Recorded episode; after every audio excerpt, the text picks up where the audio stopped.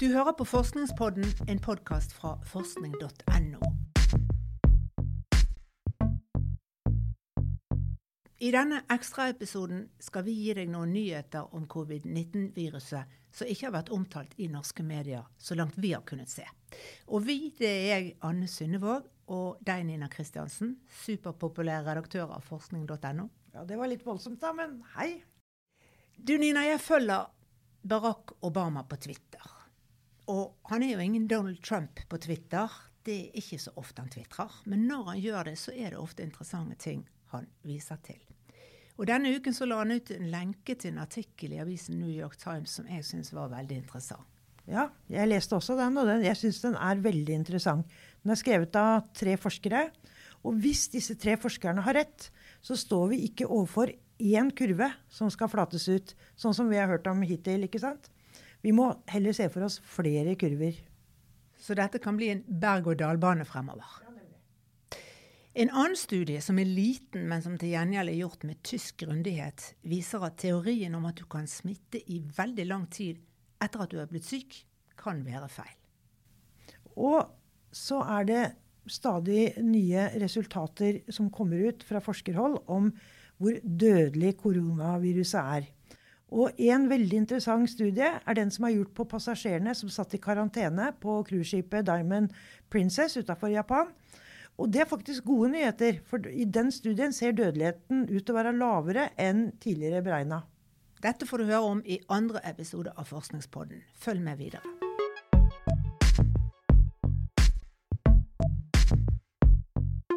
Og det alle spør seg om i disse dager, er når kan vi gå tilbake til normalen?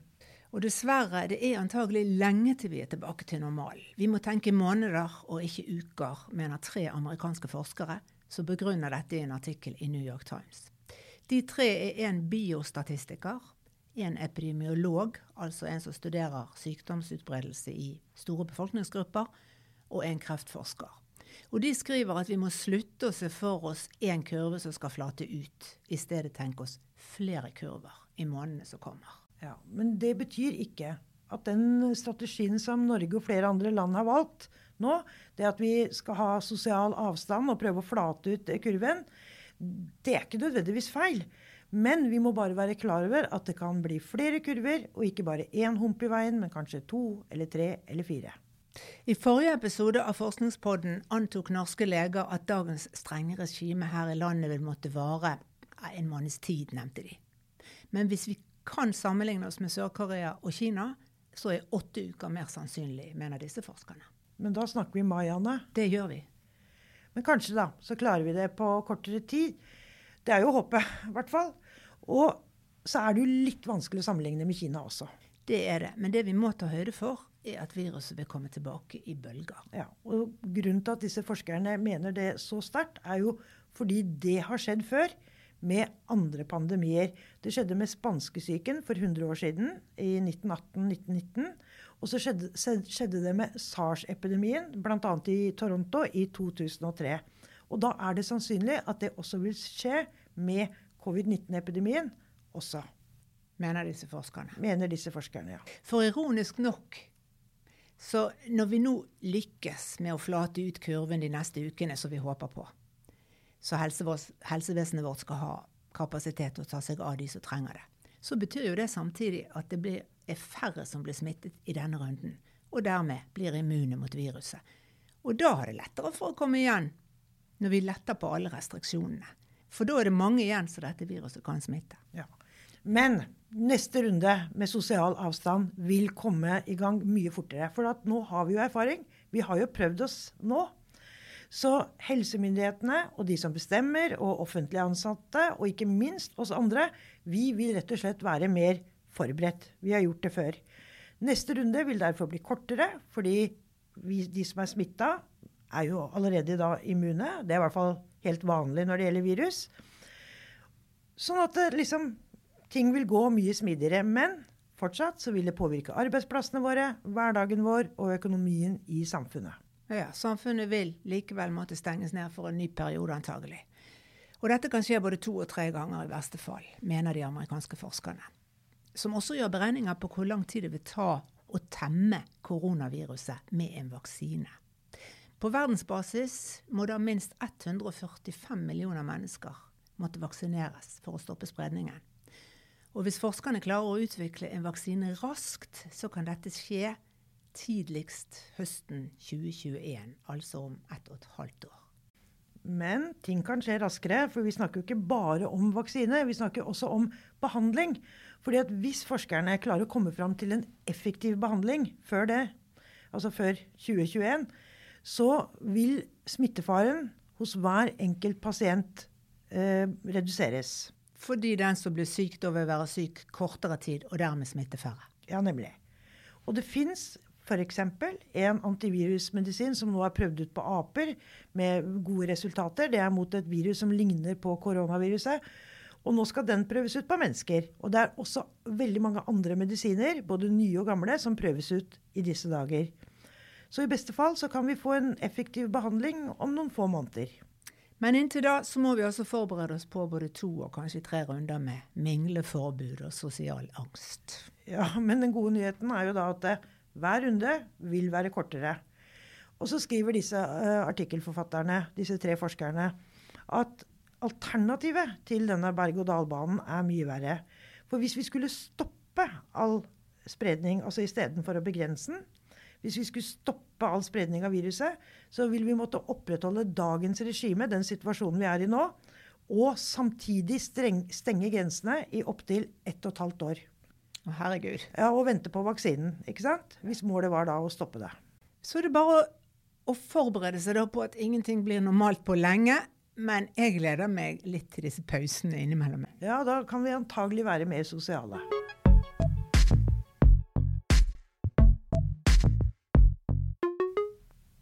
Vestbo er en liten bedrift i Stockdorf i Bayern. En by med 4000 innbyggere. Bedriften lager bildeler, og i januar så kom en forretningsforbindelse fra Shanghai på besøk til Webasto-fabrikken. Og du gjetter riktig. Kineseren var smittet av korona. Men det visste han ikke. Ikke da. Men han rakk å smitte en av bedriftslederne før han dro hjem igjen. Og da denne bedriftslederen ble syk, da så forskerne ved en klinikk for infeksjonsmedisin i München sin store sjanse, og gikk til aksjon. De testet alle på fabrikken, fant ni som var smittet. Og disse ni ble tatt med til klinikken i München, isolert der og nøye studert. Ja, altså Egentlig var de ni en uh, menneskelige labrotter i denne perioden studien pågikk. Og det de undersøkte, da, var bl.a. hvordan hadde de ni blitt smitta. Det var snakk om ett nys, ett håndtrykk, men i hovedsaken så blei de smitta gjennom at de satt rundt et møtebord i en times tid. Og det viser jo da hvor lett dette viruset smitter mellom folk. Så er det sånn Hva skjedde med dem? Hvor syke blei de? Det blei jo også grundig undersøkt. De fleste fikk hoste, men bare to av ni fikk feber. Eh, de fleste fikk milde symptomer. Én fikk aldri symptomer sjøl om han var smitta, og én blei alvorlig sjuk. Han fikk en eh, lungebetennelse. Og så er det jo det at eh, Vi har jo hørt at snue får du ikke av dette viruset. Altså, men det stemte ikke da i Tyskland. To av de ni fikk rennende neser, og fire fikk tett nese og mista lukt og smakssans. Og hver morgen så ble det tatt masse prøver av disse ni. De fikk en q-tips opp i nesen og ned i halsen. De måtte hoste opp slim som det ble tatt prøver av. Og så ble det tatt blodprøver, urin og avføring. Og det de fant, var at de produserte voldsomt med virus i nese og hals. Tusen ganger mer enn det som SARS-pasienter produserer. Og det allerede i dagene før sykdommene brøt ut. Og det kan jo forklare hvorfor dette viruset smitter så utrolig lett. Men når det var gått sånn ca. åtte dager siden første sykdomssymptom, så fant ikke laboratoriefolket lenger levende virus. I stedet så påviste de da masse antistoffer mot viruset. For nå var immunforsvaret kommet på offensiven og drepte viruset når det kom ut av en celle for å innta en annen.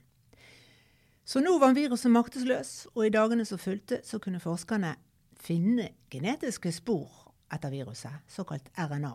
Men de fant ikke levende virus. Nei, Og så fant de heller ikke virus i noen blodprøver, ingen urinprøver og bare døde eller sånne RNA-biter i avføring. Og det er jo gode nyheter. Ja. Men den dårlige nyheten da, fra denne studien er jo at vi smitter eh, hverandre i dagene før vi sjøl veit at vi er smitta. Det visste vi jo fra før. Det har jo kommet ut. Den gode nyheten er jo da at etter åtte dager så synker antall virus dramatisk. Da har immunforsvaret kicka inn og gjort jobben sin. Det tok fra seks til tolv dager før de ni pasientene ikke lenger var smittsomme. Så eh, den sikkerhetsmarginen vi har i Norge nå, på to uker, den ser ut til å være tilstrekkelig. Ut fra den tyske studien. Fordi man har jo vært redd for at eh, fordi disse her genetiske sporene fins i viruset hos pasienten i flere uker etter eh, vedkommende har vært syk, så har man vært redd for at eh, pasienten smitter videre, selv om du har blitt frisk igjen. Men denne tyske studien, som er publisert i Science, som er et veldig tungt vitenskapelig tidsskrift, den gir ingen holdepunkter for at du er smittsom så lenge. Nei. Og andre studier antyder også at de som får veldig få eller ingen symptomer, de er også mindre smittsomme enn de som blir syke, ifølge denne artikkelen. Og så var det cruiseskipet, Anne. Diamond Princess, du husker det? Det var i alle nyhetene veldig lenge. Fordi det som skjedde, var at 3700 passasjerer fikk ikke lov til å gå i land. De blei holdt i karantene i ukevis. Årsaken var at en om bord hadde blitt smitta av korona i begynnelsen av februar. Det som også skjedde da, var jo at cruiseskipet blei et naturlig laboratorium fordi nesten alle om bord blei testa. Nettopp. Nesten alle om bord på Diamond Princess ble testet. Så dermed så kan man slå fast flere ting. Svenske forskere fant ut at viruset spredde seg om bord i en fart som var fire ganger raskere enn i de verst rammede områdene i Kina. Og det hele endte med at 634, eller 17% av alle om bord, testet positivt. Selv om man forsøkte alt man kunne å begrense smitten. Men fordi at man kunne teste alle og se hvordan sykdommen gikk gjennom de smitta, gjennom 16 hele dager, så veit forskerne nå litt mer om hvor dødelig covid-19 er. Litt over halvparten av de som testa positivt, blei ikke syke i det hele tatt. Av de som fikk symptomer, var dødeligheten på 1,9% Det betyr at litt under 1% av de som ble smitta, døde.